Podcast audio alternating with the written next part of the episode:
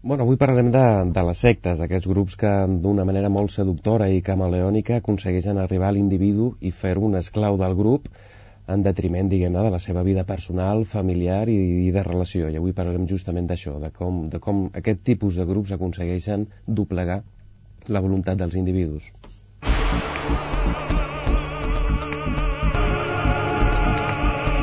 L'Hora de Plutó, amb Núria Ribot. Quan es parla de sectes, a molta gent li ve al cap la imatge de grans organitzacions de caire religiós, amb un munt de còlics d'aspecte estrafolari i un líder carismàtic que estén la seva influència en diferents països. Però no sempre és així. Les sectes poden adoptar la forma, per exemple, d'una ONG, una associació cultural, una empresa, un grup de creixement personal o terapèutic, de lluita per medi ambient fins i tot. Els anomenats grups de manipulació psicològica són molt variats i estan molt atents a les necessitats i les modes del moment per néixer i consolidar-se. Avui, a l'hora de Plutó, en volem parlar. Miquel Perlado és psicòleg de la IS, el grup d'atenció i investigació de socioaddiccions. Miquel, molt bona tarda. Hola, bona tarda.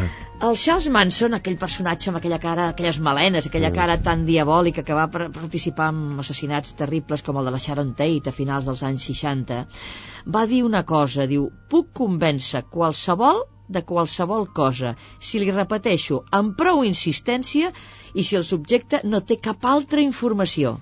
És veritat, és així de fàcil que ens puguin menjar el coco, per dir-ho de forma simple? A veure, a veure, no, no és tan fàcil, no? El que passa que aquesta frase que va dir el Manson, en bona mesura la trobem en determinats grups, és cert, no?, amb aquesta dimensió que tenen de fanatisme, d'incondicionalitat, d'un missatge que, evidentment, es repeteix fins la societat i que ha d'arribar aquest missatge, diguem-ho així, en un moment en què la persona es trobi mínimament receptiva, perquè si no, no penetra eh? si no ho veuríem com un boig des de fora i dir, bueno, aquest home, què li passa, no? S'ha begut l'enteniment, eh, patina, però, evidentment, no? un context de grup en el qual la persona pot sentir-se més vulnerable, més, eh, més insegura, personatges com aquest, el Charles Manson o, o d'altres, poden, poden arribar a fer molt mal a les persones. Sí. Mm -hmm.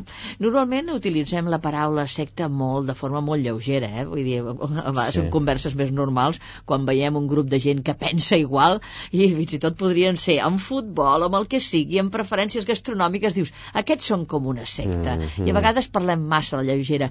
Mm, diguéssim, tècnicament i des del punt de vista patològic, com ho definiries, una secta? A veure, nosaltres definim les sectes, no? com tot aquell grup o moviment que d'alguna manera exigeix una dedicació o una devoció de les persones en augment i que entre els procediments que utilitza fan servir diversos procediments d'influència no ètica o de manipulació psicològica, eh? control del temps, control del teu pensament, control de les relacions personals, un adoctrinament progressiu, etc etc, i que tot això va sempre orientat a fomentar una dependència existencial de les persones envers el grup i que sempre porta conseqüències negatives en detriment de les persones, de les famílies o de la societat al seu conjunt. Però és cert no? que la paraula s'està desgastant, diguem-ho així, no? perquè o bé es relativitza, o bé es banalitza, o bé, mira, to, tot a la societat és una secta, qualsevol cosa pot ser... Home, a veure, no. Eh? Vull dir que, malgrat els límits no són molt precisos, i és un tema relliscós, hi ha algunes coses que les tenim clares al dia mm -hmm. Doncs bé, avui parlem d'això, d'aquests límits i sobretot en aquest, aquest, aquest marge quan les coses canvien i poden ser un perill per la persona. Però parlarem evidentment de les persones que ho pateixen, de les víctimes i com ens en poden sortir. Però jo em pregunto, què pretén una secta? Els que la dirigeixen, els líders, els homes i dones que la porten, quin benefici en treuen? Perquè molts, clar, hi paguen petites quotes, però jo no crec que masses milions puguin fer. Què és una qüestió de de golatria, de poder, els que manen? És, bueno, és una molt bona pregunta, no? Perquè generalment la gent del carrer pensa, bueno, mira, el que volen aquesta gent són diners, no? I sí no, eh? Mm? L'objectiu primari potser no són els calarons, sinó prendre control de la persona. Per què? Perquè perquè si jo tinc un missatge estupendo i em crec que sóc el nou Messies o el que sigui, si convenç una persona aquesta em portarà dos més i aquestes dos em portaran quatre i així progressivament i evidentment una vegada jo eh, et convenço de que el meu missatge és l'únic, la veritat absoluta els diners vindran sols. Eh? Ara, cal treure's una mica la imatge del líder de secta que està, a veure si, si ho podem entendre, no? de, com si estigués en una habitació tancada i dient, bueno, a veure, jo muntaré un grup i el que faré és estafar aquestes persones i dos més dos són quatre. No, la cosa no és tan matemàtica, sinó que generalment és una persona, home o dona, que en un moment de la seva vida té una crisi mm, molt forta en termes de patologia i que reinterpreta en aquesta crisi com un nou missatge, una nova tasca per la humanitat, un nou projecte que ajudarà a tothom i a partir d'aquí es comença a generar, diguem-ne, una dinàmica de sectarisme, tot buscant adeptes que, que el segueixin. Mm -hmm. Una banda i una secta tenen punts en comú? Tenen punts en comú, però no són fenòmens idèntics. Per què? Perquè una banda, eh, una banda juvenil o una banda, diguem-ne, d'extrema dreta o un grup d'aquest caire no? més, més radicalitzat, una de les, un dels trets diferencials és que fan servir la força i la violència física. A una secta no fa falta això, diguem-ne. La violència d'una secta és insidiosa, emocional, progressiva i molt indirecta i el dany que es fa és emocional, majorment. A una banda, diguem-ne, hi ha confrontacions cara a cara amb armes, amb pistoles, amb navalles, etc. Això una secta no. Malgrat és veritat que hi ha sectes que han acabat en, en suïcidis col·lectius, en actuacions així molt, bueno, inclús delictives, fortes, no?, i amb la vida de les persones. Però això són extrems, eh? Vull dir que tampoc ens quedem amb la idea de totes les sectes estan tan boges que acaben suïcidant-se. No, no, és que les sectes que tenim al voltant nostre mmm, passen més desapercebudes. Sí, eh? això anava a dir. Fa 20 o 30 anys en sentíem parlar molt de les sectes sí. i hi havia molta més por. En aquests moments és la idea és molt més difosa, perquè tampoc, no veus, si aconsegueixen eh, aplegar un grup de gent, però tu no veus després, per exemple, que sortissin al carrer en manifestació um, per tal de protestar o d'aconseguir el que vulguis dius, bé, aquells continuen amb un silenci o continuen més o menys amagats, potser aplegant gent, però clar, els del carrer, els altres ciutadans, no ens n'assabentem de tot això. Dóna la impressió que en el segle XXI passen molt més difuminades. Bueno, aquí segurament hi ha diverses raons, no? Una, que com dèiem abans, no? la gent banalitza i relativitza el fenomen, no? amb la qual cosa sembla que no existeixi. No? Una segona raó és que de vegades els mitjans de comunicació es fan ressò tan sols en moments de màxima, eh, diguem-ne, d'una actuació, com dèiem abans, no? delictiva, suïcides, etc. Llavors sembla que el sectarisme tan sols sigui això, no? i que si un senyor que va entrar en un grup i va deixar X diners i no sé què, bueno, això ja no interessa tant, no? ens interessa més la sang, el fetge, eh? generalment sexe, eh, diners, explotació i si no ja no és secta. Home, no. Eh? Ara és veritat que han canviat tant que avui dia ja no s'organitzen tan jeràrquicament, s'organitzen més en xarxa, de tu a tu, de boca a boca, en un ambient més relaxat, més que pega més amb la New Age, no? I llavors sembla com que tot hi val, no? I llavors que no hi ha cap secta, com que tots estem al mateix nivell i aquí no hi ha cap líder, doncs escolta, jo no estic a cap secta i a més a més no em demanen diners, vull dir que jo vaig a unes activitats, unes conferències i són gratuïtes, meravellós, no? A veure, cuidado, eh? Vull dir que continuen existint-hi, però bueno, mmm, moltes vegades la societat no es pot fer ressò perquè tampoc els polítics se'n fan ressò, no? I, mm. i ara que hem sortit, diguem-ne, d'aquest tram d'eleccions de, i de votacions, etc, faríem una altra vegada una crida a dir, bueno, escolti, aquest és un fenomen que té un nivell de penetració social potser no tan important com podria ser l'anorèxia o d'altres problemes de salut pública o de salut mental, però que continua existint i generant, diguem-ne, situacions d'abús, de, de, de, de control de la personalitat i molt dany a les persones que en surten. Mm -hmm.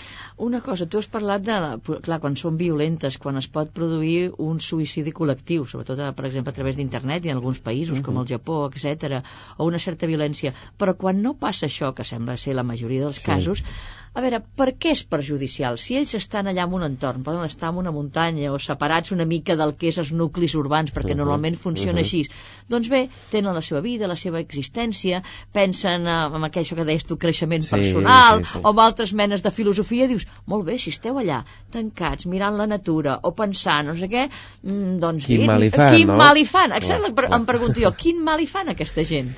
A veure, eh, que és una de les coses que dèiem, no? Com, bueno, com que estan allà i no molesten tu, deixa'ls, no? Sí. A veure, eh, les sectes d'avui dia han canviat, ja no estan allà penjats, diguem-ho així, a la muntanya, un home, un home amb túnica blanca, dient, bueno, doncs estem aquí, bla, bla, bla. No, no, és que la gent de les sectes d'avui dia porten maletí, ordinador portàtil, porten corbata, treballen a grans empreses. Què és el que volen? A nivell grupal, diguem-ne, organitzatiu, el que volen és prendre control, inclús a nivell polític, o penetrar, diguem-ne, tant socialment que se'l recolzi incondicionalment. El que busquen moltes vegades a nivell social és un segell, no? Si jo he fet aquesta activitat, si m'han donat aquest, aquesta garantia, nosaltres som molt bons, etc. no? Però continuen preocupant en termes de salut mental, és a dir, perquè la persona hi entra, i entra en un projecte que no, no sap exactament cap a on es dirigeix quantes etapes haurà d'assolir, quants de diners haurà de deixar, eh, quantes relacions haurà de també deixar eh, en benefici del grup, etc etc. I el que s'acaba generant és una dependència patològica envers el grup, no? que tota la, mm, diguem-ne, tot el pensament de la persona gira al voltant d'aquest grup, qualsevol crítica externa sentida com un atac directe i frontal i llavors la persona es defèn amb irritabilitat amb, o inclús amb franca agressió, no? Uh, és un discurs que monopolitza el pensament i que evidentment t'aïlla d'altres relacions i això perjudica a llarg termini a la teva salut mental. Mm -hmm. Què són les socioaddiccions? Perquè, per exemple, últimament parlàvem molt que si els mòbils, les noves tecnologies, sí. i ens fem addictes a les noves tecnologies que penses, bueno, una socioaddicció més. Mm. Estem parlant d'això o i de moltes més coses? Bueno, en bona part sí que estan parlant d'això, no? d'activitats que poden resultar molt plaents, no? Pues jo què sé, vaig a una activitat, a una conferència, em parlen de coses molt positives, em diuen que m'ajudaran, etc, però que no deixa de ser, o haver-hi un punt d'engany, perquè evidentment no t'ho diuen tot, t'amaguen coses, t'amaguen la informació crítica, etc. I quan parlem de socioaddiccions o d'addiccions psicosocials, si volem, no? Parlem de vincles, diguem addictius que van sense substància. És a dir, aquí no, no, no parlem de drogues. No per... Moltes vegades la gent pensa, clar, si va entrar en aquest, en aquest grup, a veure si és que li estan donant no sé què perquè el seu comportament hagi canviat de tal manera. No, no, miri, senyora, no fa falta que li donin eh, un bebedizo o, o una droga. Vull dir que el canvi de comportament pot venir per una dinàmica de grup que és potent i que perjudica, no? Llavors, quan parlem de socioaddiccions, parlem d'un ampli ventall d'activitats humanes que poden estar mm, reconegudes com aspectes positius, però que quan es sobrepassa un nivell o un cert dintell comencen a, a ser més patològiques, és a dir, posem la feina per cas, no? La feina pot ser una cosa molt, molt interessant, molt engrescadora, et pot aportar moltes coses, però escolta, si tot el dia estàs treballant i no veus a la família, no vols els amics, no tens vida privada, no bueno, escolta, potser tens un problema. Això és malaltís també. Pot arribar Els americans pot... en diuen workaholics, ah, exactament, no? Exactament, vull dir que pot arribar-hi, eh, no? I, escolta, a veure, tota cosa a, a la seva mesura, no, no, no et passis, no? D'això estem parlant. Uh -huh. Doncs bé, d'això en parlarem avui fins a les 4 de la tarda, d'aquestes socioaddiccions, de les sectes i de com són, d'aquesta forma que ens explicava ara el Miquel Perlado, que potser són més difuminades al segle XXI, però que existeixen. Però abans la Pilar de Pedro ens farà 5 cèntims sobre el nostre convidat d'avui, sobre Miquel Perlado.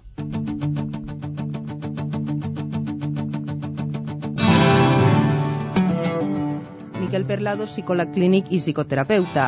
Es va llicenciar a la Universitat de Barcelona i va rebre la formació en psicoteràpia a la Fundació Vidal i Barraquer i a IPSI, el Centre d'Atenció, Docència i Investigació en Salut Mental de Barcelona. Fa 10 anys que col·labora professionalment com a assessor sobre sectes i psicoterapeuta a AIS, el grup d'atenció i investigació en socioaddiccions. El nostre convidat s'ha especialitzat en sectes i independències grupals, sobre les quals ha publicat diferents treballs amb altres autors adolescentes i sectes, grups de manipulació psicològica, situació i conceptes, estudios clínicos sobre sectes. Ara, amb l'AIS, preparen una guia per a familiars i amics de persones que hagin estat captades per grups de manipulació psicològica.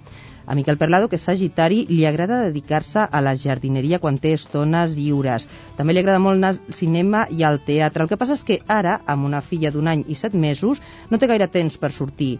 Una de les últimes pel·lícules que ha vist, No és país per a viejos, diu que Bardem està molt bé i que la pel·lícula també està bé, però troba que no n'hi ha per tant. Efecte Òscar. Un tret del seu caràcter, que és cooperador, li agrada treballar amb equip, també diuen que té molta paciència.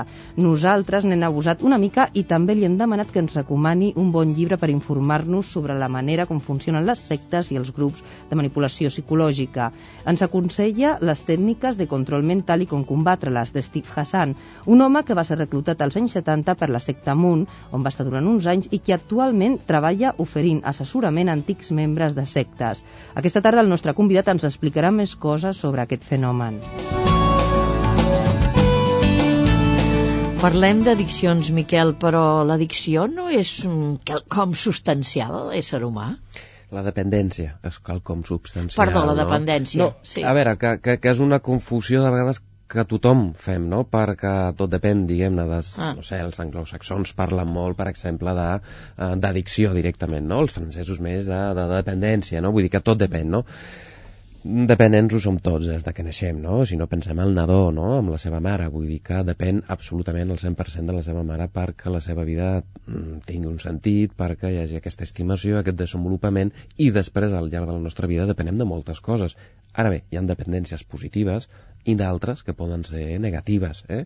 Tot depèn de la quantitat, de la freqüència d'ús, eh, de la intensitat també en la qual tu et fiques en aquesta activitat i, evidentment, de les conseqüències que eh, a llarg termini porten. Eh? Mm -hmm. Que complicat posar-hi aquest límit, perquè ara, clar, amb aquesta dependència de coses positives, jo estic pensant, per exemple, en l'amor.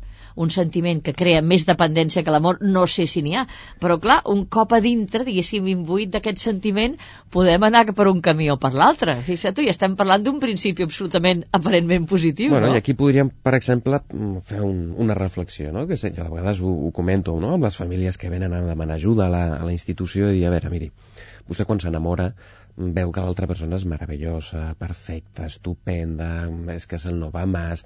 Home, escolti'm, lo normal a mesura que passa el temps és que vostè digui home, està molt bé, però, no? I que comencis a trobar peròs, no? Comencen els peròs, sí. eh, el tub de pasta de dents, que no sé què, que si els cabells... Bueno, doncs miri, sí, és la vida. Ara, el problema ve si tota la vida et quedes, diguem-ne, idealitzant no? a l'altre i dient, no, no, és que no hi ha cap crítica, és perfecte. És una- d'alguna manera el que passa a una secta. Vull dir, això és meravellós, estupendo, perfecte, és el no va més. Escolti, molt bé, i no hi ha peròs. No, no, no, és perfecte. Bueno, llavors hi ha un problema, perquè vostè m'està donant un valor absolut a una cosa que, escolti'm, a la vida tot és, si més no, criticable, qüestionable, però en el sentit positiu, que això també ajuda a créixer, diguem-ne, disposar d'un esperit crític i de saber prendre una distància també a les relacions que pot ser molt necessària. Uh -huh.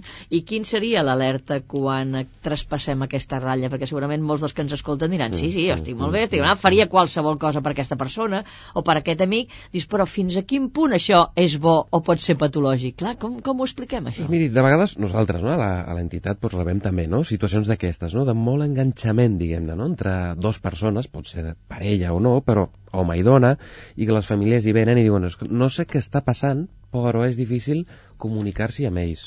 No m'agafen el telèfon, no puc tenir trobades amb ells, tot el dia s'estan escaquejant, sembla que hagin fet com una bombolla, no?, al voltant seu i que ningú pugui entrar-hi, no? Bueno, és aquest tipus de coses que comencen a preocupar o que són signes d'alarma, no? És dir, perquè normalment, doncs, home, mm, som sistemes, diguem-ho així, oberts, no? Relacionem, parlem, deixem, entrem, sortim... Clar, si una relació de dos comença a estructurar-se com una cosa molt tancada, que tan sols l'altre té la veritat eh, i que, a més a més, es critica la gent externa, es comença a generar, si més no, com una dinàmica de cert sectarisme, també, no? Perquè som dos i tota la resta de la humanitat està equivocada, no?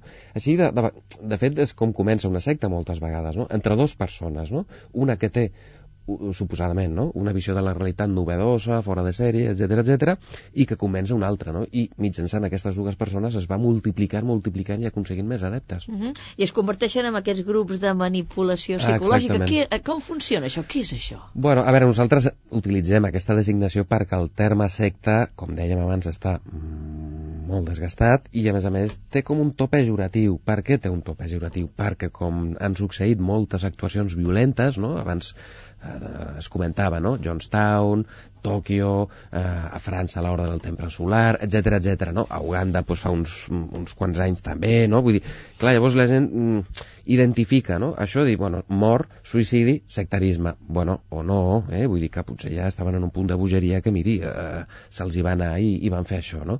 Però per això parlem de grups de manipulació psicològica, perquè no estem parlant tan sols de religió, no estem parlant tan sols de sexe, eh, de drogues i de mort, sinó que estem parlant de quelcom més complex i que és difícil de, de sí, evidentment, no? d'entomar i de definir amb precisió, però que parlem de grups que, independentment de la seva doctrina, el que fan és un ús de les relacions personals i de la influència interpersonal que sobrepassa, diguem-ne, el tolerable, no? Vull dir, a veure, avui dia quan veiem la tele sabem que ens intenten vendre un cotxe amb una senyora estupenda damunt. Bueno, doncs mira, això és la publicitat, no?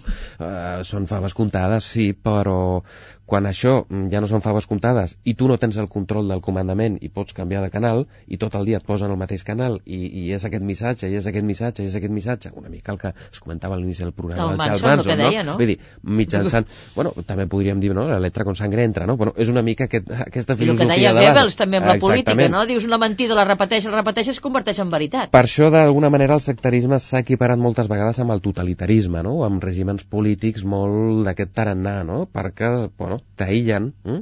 t'aïllen físicament o mentalment, en el cas de les sectes, et posen en un context on tothom pensa igual i on te'n van anar adoctrinant d'una manera tan intensiva que finalment diuen que és blanc i tu veus blanc i potser és blau, però és blanc. I això ha passat, per exemple, amb gent que esperava platillos voladores que baixessin al Montserrat, per exemple, i sí, sí, no, jo el vaig veure el platillo volador, eh? Bueno, escolti, però no, aquella llum era un platillo... Bueno, si vostè ho diu, però clar, com tothom diu que ho ha vist, de vegades jo també poso l'exemple, no? Si, si, si tu entres a una sala i tothom està sense sabates, inevitablement tu et trauràs les sabates.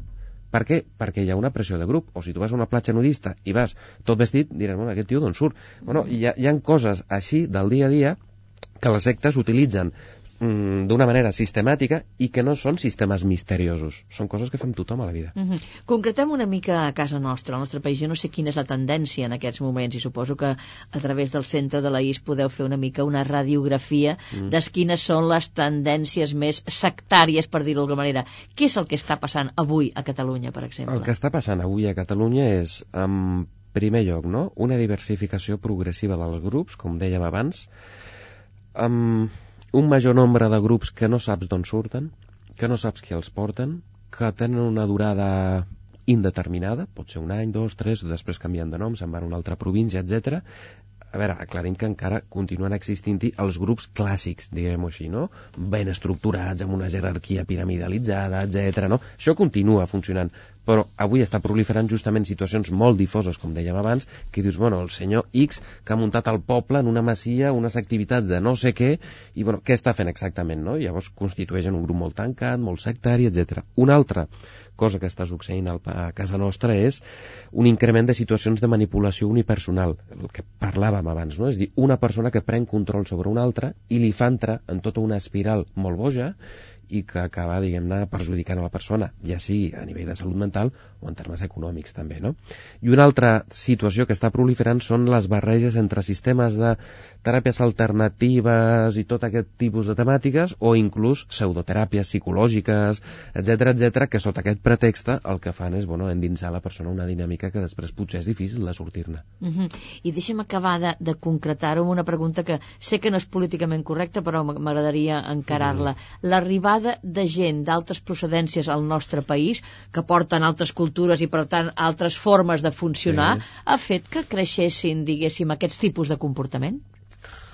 A veure, l'arribada de bosses, diguem-ne, d'immigració d'altres països inevitablement el que està fent és que proliferin, per exemple, grups de caire pentecostalista, evangelistes mm, que no tenen un mínim, diguem-ne, d'ètica al- a, a l'hora de funcionar. Això no implica una crítica, evidentment, a tot l'evangelisme o a tot... No, no, no és això. Ni a la no? immigració en No, general, però no, vull no. dir, Sinó la barreja de cultures porta Evi- també a altres comportaments. I després a l'inrevés, des del punt de vista del grup, en els interessa moltíssim. Per què? Perquè els interessa bosses d'immigrants, que això és una altra eh, cosa que identifiquem avui dia, no? Mm, bosses d'immigrants, els interessa situacions de crisi, per exemple, no? Quan va succeir lo de les Torres Bessones als Estats Units, molts membres d'algunes sectes es van presentar ja com nosaltres som psicòlegs que ajudem. No, no, mentida, doncs són, són membres d'una secta que després donen el seu telèfon perquè la gent s'hi vinculi. Vull dir que i aprofiten tot això, no? O el tsunami, amb el tsunami també, o amb situacions bèl·liques, vull dir, tota aquella situació que comporti una crisi emocional, personal, familiar, social, bueno, a les sectes és, és, és, un, és un carmel, clar, els interessa moltíssim. Uh -huh. I amb aquesta situació que és tan precària quan s'arriba a un país nou, evidentment són... és carnassa, pràcticament. Sí, i clar, l'entitat també el que detectem és, eh, per l'altre costat, diguem-ne, la proliferació de bandes juvenils, no?, perquè donen una identitat el, el, el noi o la noia que acaba d'arribar al país no? i que es troba una situació, per exemple, la més típica, no? d'una mare que ha fet tot l'esforç de venir aquí al país, buscar una feina, moltes vegades separada, o el pare pues, es va juntar amb un altre, o va tenir fills amb, un, amb dos o tres, el que sigui, bueno, llavors ve aquí, aconseguís portar el fill, el fill es troba despenjat, amb un sistema educatiu que no és el seu, amb uns horaris que no són els que hi havia a casa seva, clar, llavors, mm, amb qui contacta? Amb la gent que, bueno, pues, pues del mateix país, tal, llavors comença, escolta, mira, teniu unes reunions, ja no sé què, pues, i així comença també l'entrada d'una banda que també pot arribar a portar problemes de determinades bandes juvenils, determinades. Eh? Mm -hmm. En parlarem i puntualitzarem de les bandes, però abans escoltem una mica de música i m'agradaria que ens presentessis a Camil. Qui és Camil? Perquè jo mm, no, no el conec. Bueno, Camil és una, és una cantant que està francesa eh? i que, bueno, fa un... Ara em sembla que havia sigut convidada al, al Sonar, inclús, no? si no em falla la memòria, perquè ja em comença a fallar, però, però és una cantant francesa, diguem-ne, d'última generació, diguem-ho així, i que té uns temes que, bueno, eh, que no deixen de, de, de, de tocar i de ser interessants. Eh? Mm, I has escollit sense. Sí.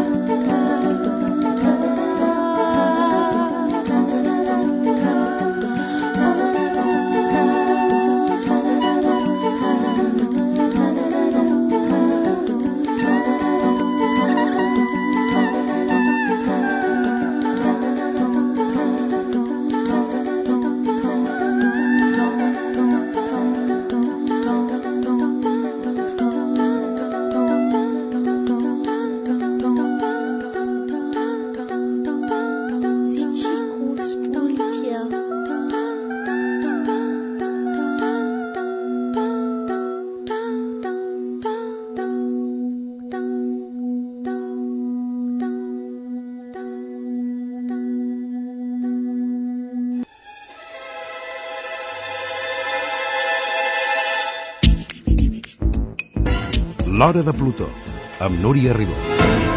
I continuem la conversa amb Miquel Perlado, psicòleg de la IS, d'Atenció i Investigació de Socioaddiccions. Estem parlant de sectes en general. Ara, escoltant aquesta música reiterativa de la Camil, que semblava com un mantra. Dius, bueno, jo suposo que el paper de la música també amb, amb enganxar gent, i sobretot a gent jove, ha de ser molt important, perquè és que anàvem aixecant... Sí, sí, sí, sí, Carai! Sí, sí. Bueno, una mica és això, no? Vull dir, la musicalitat, diguem-ne, de les sectes és un aspecte fonamental. No, no oblidem que aquest tipus de grups generen una atmosfera artificial que fa sentir justament a la persona que ell escull i que controla el procés, però que generalment és una atmosfera generada a la qual s'introdueixen, evident, ritmes, musicalitat, eh, i això també genera canvis, diguem-ne, no? No, no, no per si sola la música, evidentment, no? De vegades s'ha dit, no? Ui, és que hi ha determinats temes del rock and roll, no? Que si els, els escoltes al, a l'inrevés, doncs sí. són, eh, no? Segur que recordes, no? Pues música satànica i tal, sí, i això perjudica. Sí, sí. Home, bueno, sí, vale, perfecte, però la música per si sola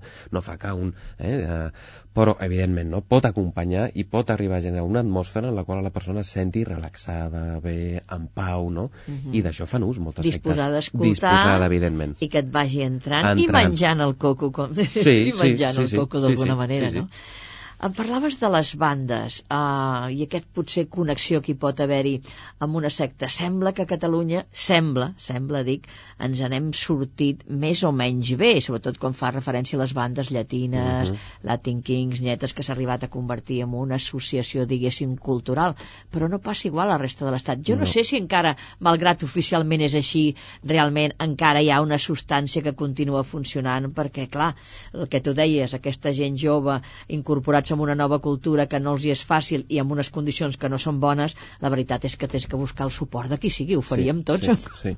No, no, a veure, ahir va ser una molt bona pensada, no?, de donar un espai, diguem-ne, associatiu, bueno, un col·lectiu que ho reclamava. Veurem a veure, diguem-ne, també els resultats, no?, perquè si estan registrats com una associació, doncs esperaríem veure una memòria d'activitats, un, no? un, un, un cert resultat de, de la seva tasca, no? Ara, el que nosaltres també detectem és que continua havent-hi problemes a certs nivells, no? Vull dir, una cosa és el que s'ha registrat legalment i una altra a la gent que viu al carrer, i al carrer continuen havent-hi baralles, continuen havent-hi pressions sobre els nois que hi entren, i continua havent-hi un cert problema que a nosaltres ens arriba. Clar, no oblidem que nosaltres atenem inevitablement problemes i llavors, diguem-ne, l'anàlisi que podem fer diguem-ne des d'aquesta vessant també tenem situacions no problemàtiques, però són les, les mínimes, no? però sí que ens arriba gent que, que diu, escolti, és que el fill, la filla ha entrat en aquest... i no tan sols fills i fills i filles de, de, de latinoamericans o d'altres països, també d'aquí, de casa nostra vull dir que sembla que tan sols els d'allà de l'Equador, de no sé què, hi entren no, no, també d'aquí eh? Uh -huh. Miquel, és la gent jove la que és més susceptible de ser seduïda per les sectes? Nois, noies, hi ha una preferència, diguéssim, en quant al gènere? A veure, la franja, diguem-ne, de major risc continua sent la, la, la, la del jovent. Això és inevitable, no? Perquè concretament l'adolescència, perquè és un moment de crisi, de canvi, la teva identitat no està consolidada, vas donant toms, no, no t'acabes de, bueno, de situar la vida, etc. No? Llavors, clar, són respostes absolutes que et poden alleugerar el pes, diguem-ne, de decidir, d'entomar situacions, etc. Ara bé, també han canviat aquestes situacions. Malgrat l'adolescència continua sent la franja de major risc, a les sectes avui dia els interessa una franja una miqueta més gran d'edat. Per què? Perquè els recursos econòmics, evidentment, als 18 anys, eh, ja em diràs d'on surten. Són Llavors, escassos. Clar, més bé, no? Vull dir que amb la paga i poques coses més. Llavors, que interessen gent de 30 a 30 i pico anys. Per què? Perquè comença ja a haver-hi un nivell adquisitiu. Ara, malgrat això, no hi ha un perfil únic eh, ni un únic tipus de persones que hi entri. Possiblement amb una majoria de dones? Segurament però tampoc sobrepassa molt el, a la quantitat d'homes que, acam- que acaben entrant-hi. Eh? Uh -huh. Tu estàs parlant ara d'una gent més gran, per tant vol dir que té majors ingressos econòmics, Sí. per tant probablement té estudis també possiblement Universitaris, superiors, sí. universitaris. O sigui, eh, jo et volia demanar mm, aquesta seducció per les sectes a, a, pot arribar a tothom? I tant. És igual, veure. no, no depèn del nivell intel·lectual, No, no, i tant, i de les. No, o sigui, no, no, o sigui no. els nivells més alts professionals i intel·lectuals I tant, també? I tant. De fet, mira, el, el perfil, sense que hi hagi un perfil, eh, però el perfil, diguem-ne, més freqüent que trobem és persona de bona pasta, amb ganes d'ajudar la gent, que quan s'implica en una activitat ho fan a pinyó fixa, que a més a més volen participar en algun projecte humanitari, que tenen estudis i que el seu nivell d'intel·ligència pot, ser una, o pot estar una miqueta per sobre del nivell de la població general. És dir, que estem parlant d'un tipus de persona bastant freqüent a la societat, com tu, com jo, com qualsevol altre, i que pot acabar entrant-hi. No, no, no, no és el perfil de... No, com ja tenia tants problemes, ja se sap, no? Aquesta gent busca les sectes. No, no, a veure, les sectes busca gent. També hi ha gent, que busca sectes, però que aquest és un altre subperfil, diguem-ne, no? El, els que anomenem eh, els que van a la recerca sempre, una recerca contínua, i que te'ls trobes i dius no, és que miri, jo primer vaig estar en aquest grup, però clar, no m'acabava de fer el peix, i després em vaig posar un altre, però tampoc, i ara m'he ficat en aquest, però tampoc és... Dir, escolti, però vostè quan acabarà aquesta recerca, no? Perquè em sembla que estigui tota la vida buscant. Això és un subtipus, diguem-ne, no? Però la gran majoria són persones absolutament normals, sense problemes previs, amb problemes que podríem tenir tothom a la vida, no? Has trencat amb la parella, estàs sol, has de decidir una carrera universitària, te'n vas a un altre país... Bueno, situacions que, en una situació de crisi personal, els teus valors trontollen. Llavors, si els teus valors trontollen, és més fàcil que des de fora aquesta seducció sigui més efectiva. Perquè, bueno, si t'ha passat això és perquè, ja se sap, mira, la família t'ho ha impedit, la societat, no sé què, però amb nosaltres que bé que podries estar. Uh -huh. I així comences. Uh -huh. I comença aquest, diguéssim, rentat de cervell. I jo em pregunto, un terrorista, uh mm. -huh. per exemple, suïcida, primer, o un terrorista com els d'ETA, que fa unes setmanes assassinava l'exregidor de Mondragón, eh, tenen una preparació mental, diguéssim, sectària? Com es pot respondre? Ha de passar per un procés semblant? I tant, i tant. Uh, el que passa és que aquí, a veure, imaginem-nos, no?, una línia que vagi del 0 al 10, no? I en el 0 posaríem situacions o relacions d'influència nula.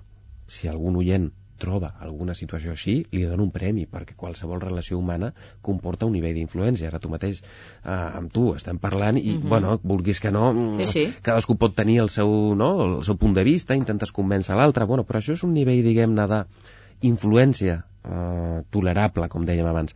En el 10 hi haurien situacions de màxima influència potser trobaríem en l'11 les situacions terroristes, no? sobrepassen ja. En el 10, o entre el 7 i el 10, el sectarisme coercitiu, diguem-ne. No? Ara, entre el 0 i el 10 hi ha tantes situacions possibles, tants matisos, que és una de les coses que no contemplen les sectes, blanc o negre, a dins o a fora, amb nosaltres o amb ells. Escolti, no, a veure, hi ha un, un munt de matisos, no? Llavors, els grups terroristes, nosaltres hem atès, mm, si no directament terroristes, però persones que s'han ficat en grups mercenaris o situacions similars, el que trobes és això, vull dir, gent que que se l'ha convençut d'un projecte inicial determinat, però que en el decurs del temps, en la seva trajectòria de vinculació amb el grup, hi ha hagut un adoctrinament brutal. Brutal, i en els grups terroristes, com dèiem abans, amb l'amenaça física que això sí que és un rentat de servei. A les sectes no succeeix tant un rentat de servei. El que succeeix és dic, com dèiem abans, de bon rotllo, no? Jo, jo t'ho dic mm -hmm. a tu, no sé què, pim-pam, bueno, i acabes entrant-hi. No, no, és que una situació, diguem-ne, de rentat de servei, tu trobes a un senyor amb una pistola amb el teu clatell que diu, entra cap aquí i si dius alguna cosa ja veuràs, és el síndrome d'Estocolmo que es diu, no? que quan tu surts home, aquest, oh, escolti, el meu segrestador que bon home que era, no? m'ha tractat tan bé i, escolti, estava tan bé en aquella habitació i potser havia estat en un zulo, no? però havia estat tan bé, dius, bueno, escolti, què li ha passat? Bueno, s'ha identificat massivament amb el seu segrestador, però perquè hi havia una amenaça física, dius, si no t'identifiques amb mi et pego un tiro, vull dir, directament amb una secta això no succeeix sempre, diguem-ne, el càstig és emocional tu pots fer el que vulguis, eh? vull dir, tu ets lliure, ja veus, aquí no posem, aquí no hi ha eh, res, vull dir, la porta és oberta, tu agafes, te'n vas. Ara, si te'n vas, quina llàstima, perquè ja que has, has fet tot aquest procés, potser agafaràs una malaltia. O no, no, vés eh, si vols. Ara, mira, clar, les energies potser no... no. Dius, escolti, doncs potser que em quedo a dins, no? O sigui que tota la sèrie d'amenaces, de quan tu potser te n'adones quan estàs dintre d'una secta, vols sortir sí. i en canvi tens aquella amenaça sobre sí. que no sabré anar sol per la vida? Aquesta és una, no?, que, que clar, et fan sentir una indefensió absoluta, no?, perquè com jo passo a dependre del grup al 100%, mm, i el grup sap, hi ha grups que pensa que diuen tu no fa falta que pensis, ja pensem per tu. Clar, això és a un nivell d'aquest extrem, no? que seria el 10, diríem, no? en aquest microprocés de grup. No? D'altres grups que diuen, no, no, el pensament és molt important, però clar, la part racional no et permet, diguem-ne, d'experimentar o de viure tota aquesta experiència en la seva plenitud. És a dir, ves deixar la teva part crítica de banda i mm, no pensis, no? Perquè, clar, llavors la persona pot adonar-se en un punt, però ja està molt compromesa. Uh mhm. -huh. I a més a més hi ha molta culpabilització. Llavors, home, si jo ho deixo ara, clar, he fet tot un esforç, i moltes vegades, bueno, com ja he passat per tantes coses, no, no, és que ara seré jo, que quan arribi a dalt els hi faré passar a la resta de gent. També hi ha aquest perfil de gent, eh? Uh -huh. Ara només voldria tornar un moment a, que deien de, dels, dels terroristes, no? Mm. Una cosa és matar, com ho fa ETA, pren per, per l'esquena i d'aquesta forma, i l'altra, com podríem dir, els terroristes islàmics, no? Ah, sí, són que són els diferents. que s'immolen ells. Clar, aquí estem arribant al màxim, a perquè l'altre, a l'extrem total, l'altre és per una creença, que evidentment els hi ha rentat el cervell, però és una creença, i aquí realment és la seva vida que explota en un segon, no? Vull dir, això és el grau màxim de... de, de, de... És el grau màxim. De fet, clar, si pensem, per exemple, en els exèrcits o situacions bèl·liques que hi ha hagut, no?, a nivell d'Occident, en general, el militar que se'n va destinat a on sigui vol tornar. En aquestes altres situacions, no? Vull dir, perquè el sacrifici de la pròpia vida és el màxim sacrifici que pots fer, perquè a més a més el paradís estarà després, vull dir que i tota la família teva pues, tindrà un recolzament, no sé què, clar, dius, bueno, escolti, això és incontrolable, que és una de les coses que els governs, diguem-ne, d'Occident preocupen, dir, com detectem això? Perquè pots una persona com qualsevol altra que està estudiant i que de sobte es fica al metro amb, un, eh, amb una Un motxilla cinturó, i pumba, sí, sí, sí. i peta, i dius, on dia? Si no, no, no ho havíem vist, clar, perquè és que és un altre tipus de, de, de terrorisme, molt diferent. molt diferent i a més imbuït per religió. La Sí. religió continua sent el màxim element, diguéssim, de, que pot fer canviar el cervell d'una persona, perquè tu parlaves de- d'aquestes sectes que són de creixement personal, de qüestions eh, d'altra mena molt més suau, però quan estem parlant de religió, que sempre és la idea que hem tingut sobre les sectes, Sí. és la religió, vull dir, és el pitjor element? Són de realment a veure, els que queden... continua, continua, diguem-ne, pegant fort, no?, el tema religiós, no? El que passa és que avui dia la religió s'ha tornat secular, és dir, que hi ha altres formes o altres propostes que són pseudo-religioses, anem a veure. Es pot plantejar o es pot convidar les persones a fer un procés de creixement personal com si fos una religió. Llavors, em dóna igual que l'objecte que posis a dalt sigui Déu o que sigui un producte o que sigui el creixement personal en majúscules o la teràpia en majúscules. Finalment estàs en un, entrant en un procés pseudo-religiós, no?, que, que, que, bueno, independentment de qui hi hagi al darrere de tot, bueno, hi ha molts paral·lelismes, però sí, sí, els grups de caire religiós continuen existint-hi.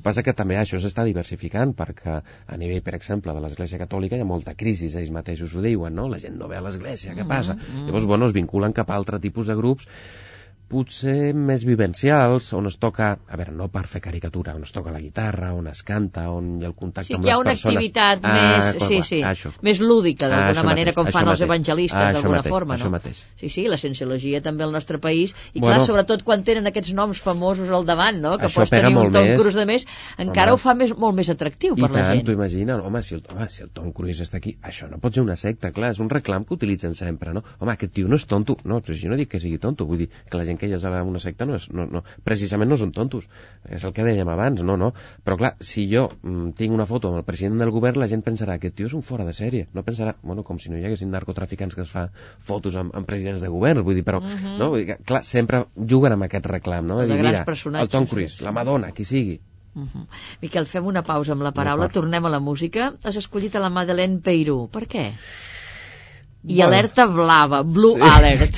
bueno, segurament, segurament, diguem-ne, pel, pel títol, no? Perquè no posaríem una, una alerta, diguem-ne, de mm, amb el tema de les sectes sí que donem una alerta, no? Continuen existint i etc però pensava una mica en, en l'ús suggerent del títol, no? De dir, bueno, alerta amb determinades propostes, amb determinades invitacions que no saps ni de on venen, ni de qui depenen, ni amb qui et trobaràs, perquè potser aquesta invitació pot acabar resultant, bueno, no tan plaent.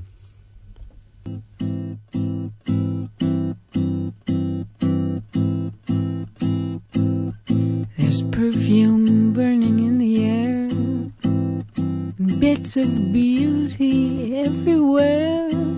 Shrapnel flying, soldier hit the dirt. She comes so close, you feel her then. She tells you no and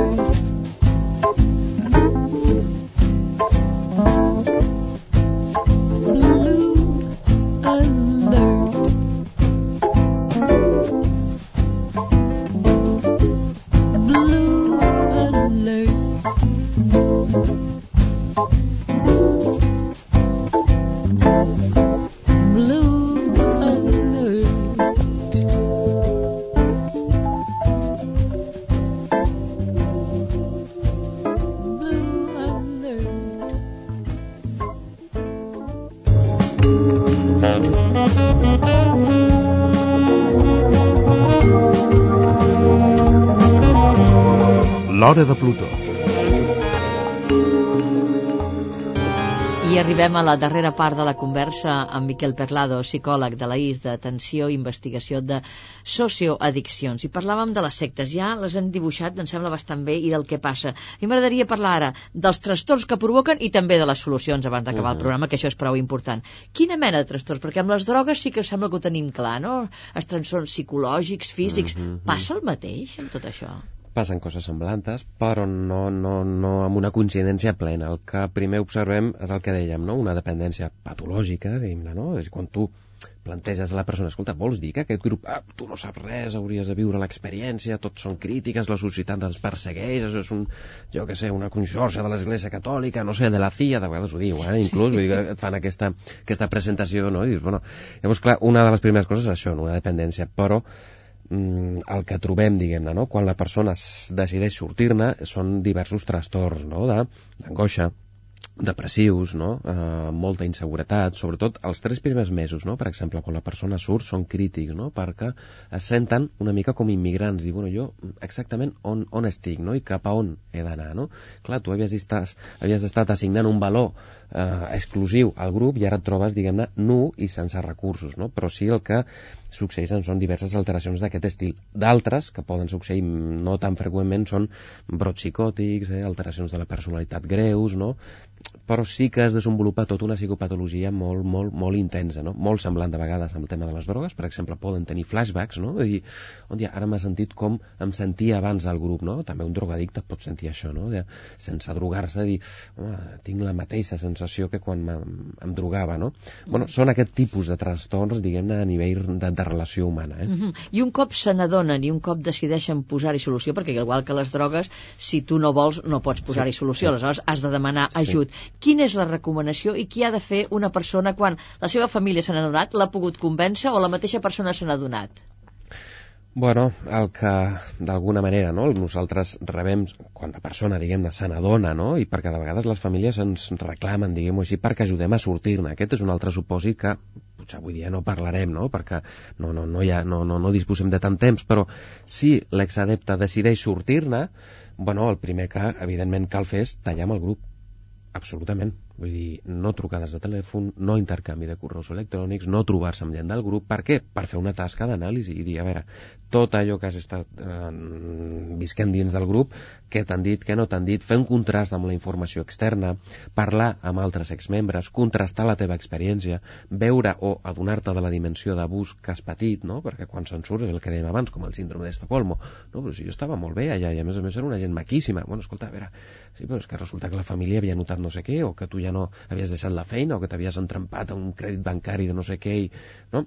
Llavors, clar, és una primera tasca és adonar-te i sobretot reforçar, diguem-ne, la decisió de la persona que, que, que ha optat per sortir. Una altra situació molt diferent i que també seria molt interessant per parlar i potser un altre dia més a fons és els nanos que neixen dins del grup. Aquest és una altra situació molt diferent perquè si ha nascut dins del grup, clar, no té criteri de contrast. No té referència exterior. No té, i llavors és més complicat la sortida. Però en adults, almenys tens un punt de contrast i, escolta, tu com eres abans i com havies passat a ser endinsat al grup, no? I mitjançant això, bueno, hi ha un tractament psicològic continuat, no? I sobretot aquest primer tram, no?, de 3, 6 primers mesos, les persones se'n surten, eh? I és un missatge que sí que voldríem, diguem-ne, transmetre, dir, és possible sortir-ne, no és fàcil, però no és impossible.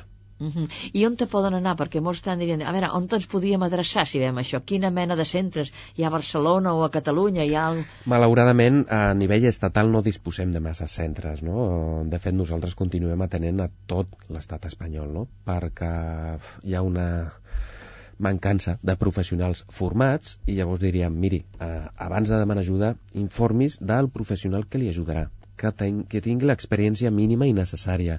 No vagi a qualsevol persona. Cuidado, perquè inclús poden haver-hi professionals vinculats a sectes. Vull dir, amb la qual cosa surts del foc per ficar-te les brases. A veure, tampoc, eh? Vull dir, informa-te'n, mira a veure l'experiència d'aquella persona, quant temps porta treballant-hi, ha vist altres casos similars, eh, quan parla amb ell o amb ella, sent que li pot ajudar, quin pla de treball fa exactament. Vull dir, abans de prendre una decisió, molta i molta informació, al igual que fem o recomanem amb el tema de les sectes, clar. Bueno, vosaltres doneu informació informació a la IS i per exemple a la IS com s'hi poden adreçar? Home, hi, ha, pot- hi ha centres a Barcelona, a Sí, diferents llocs, o teniu una pàgina web sí, a veure la gent... i tant, i perquè- tant, i tant. Estem a Barcelona, la gent es pot adreçar per telèfon, per correu electrònic, eh, vull dir que hi ha diferents formes d'accedir-hi i evidentment que, que poden demanar tota la informació que desitgin. Escolti, jo no sé, aquest grup fins a quin punt és que el meu fill o el meu germà o el meu home ha anat a tal...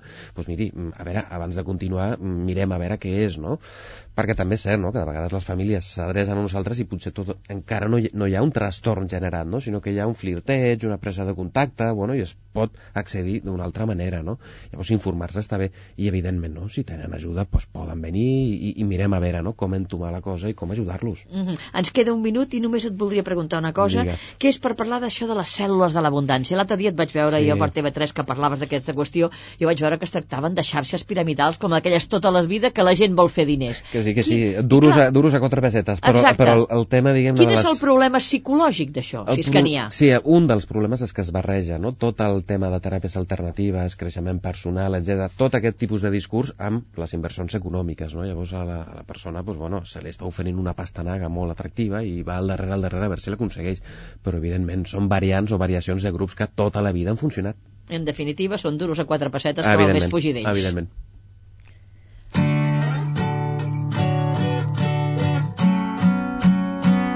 Miquel Perlado, hem de posar punt final amb una altra música que has escollit, en Rufus Wainwright. Across the Universe. Aquesta sí que em sona, eh? Aquesta et sona, eh? Aquesta sí que em sona. While they pass, they slip away across the universe. Pools of sorrow, waves of joy are drifting through my open mind, possessing and caressing me. Ho hem de deixar aquí. Gràcies, Miquel Perlado, psicòleg de la IS d'Atenció i Investigació de Socioaddiccions. És allà on us podeu adreçar si teniu qualsevol mena de dubte o problema pel que fa a les sectes. Nosaltres ho deixem així. Donem les gràcies als nostres oients per haver-nos acompanyat. En nom de tot l'equip, de la Pilar de Pedro en els guions, de la Dolors Joanola a la producció i del Víctor Gació a les vies de so. Tenim un correu electrònic plutó arroba catradio.cat. Gràcies, Miquel. Molt Gràcies bona a tarda. vosaltres. Bona tarda, eh? Nothing's gonna change my world. Images of broken light which dance before me like a million eyes. They call me on and on across the universe. Thoughts meander like a restless wind inside a letterbox.